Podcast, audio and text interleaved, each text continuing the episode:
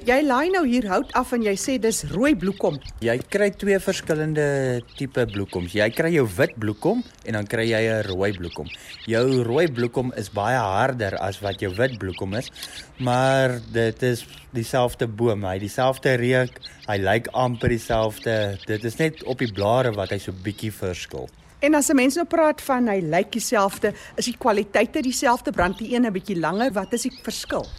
Daar is op sy brandtydperk is daar so 'n bietjie van 'n verskil omdat jou rooi bloekom 'n bietjie harder is. Hy vat 'n bietjie langer om uit te brand as wat jou wit bloekom is, maar hulle is amper baie naby aan dieselfde. Bloekom is mos nou eintlik 'n Australiese uitheemse boom, ja. ja, oorspronklik. Ja, oorspronklik. Maar daar's ook 'n ander paar uitheemse bome. Ons het ander ook hier soos jou black water wat ons het wat nou weer baie sagter hout is.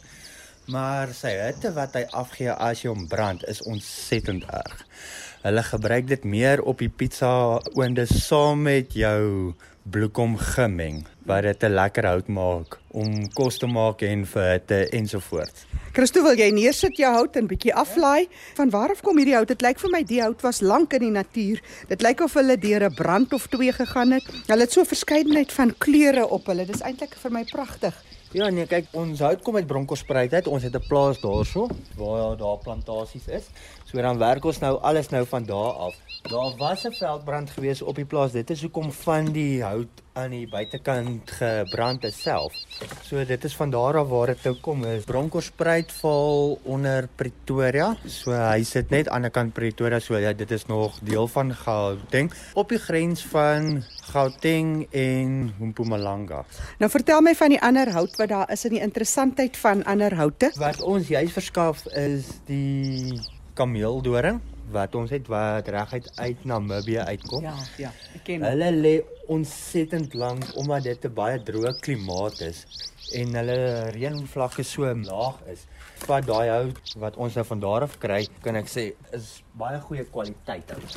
Soos wat ons hom ken in Suid-Afrika, dit is jou harde kool. Dis dit die harde kool ja. wat hulle van sing en praat. Dit is daai harde kool, dit is daai Namibië kameel harde hout. Nou die hout wat jy nou hiermee werk, dis bloekomhout en bloekom het mis 'n baie goeie kwaliteite as 'n mens so dink aan die olie, medisinale kwaliteite. Gaan hierdie hout nou ook 'n lekker reukie gee in die huis of hoe werk hy? En hoe hoe omgewingsvriendelik is dit? Hy is baie om omgewingsvriendelik en ja, uh, jou houte en goeders het maar reuke en goeders wat hulle afgee. Party ek het al gekry wat ek al bloekom al gebrand het dat daai bloekom reuk deurkom. Uh as hy droog is ja, dan kom hy nie meer so sterk deur nie, maar hy kom nog redelik deur. En dit is wat hom so lekker maak. Praat van droog. Hoe lank het hierdie hout nou gelê? Wat is droog? Maak hy kole as hy nou so droog is? Vertel my oor droog. Hoe lank en die kwaliteite? Hy vat omtrent so 6 maande en 12 maande om droog te word. Kwaliteit jy kry, ek sal dit nie aanbeveel om mee te braai nie, maar daar is van die ouens en wat met met dit braai omdat So hy hard hout.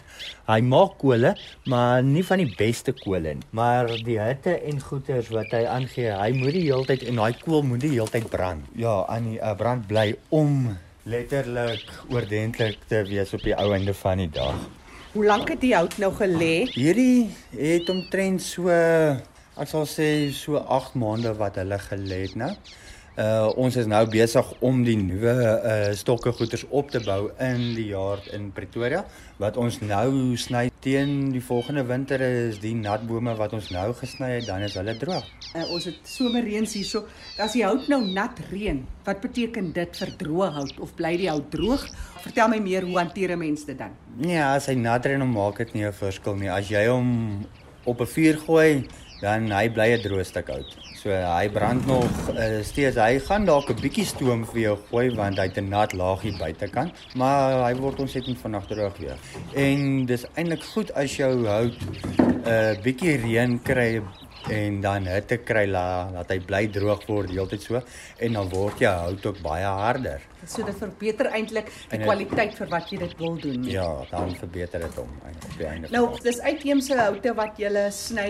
Is daar juweeltjies wat jy nie aan gaan kappie? Is daar inheemse hout wat jy bewaar soos goud? Op die plaas, nee, ek sal nie dit sê nie want ons is meeste van ons plantasies bestaan uit jou swart wattel en uit die bloekom uit wat hy uit bestaan. So ons sny nie dit maar af. Mm. Maar ons het sekere hout wat ons glad nie sny nie en dan het ons hout wat ons sny.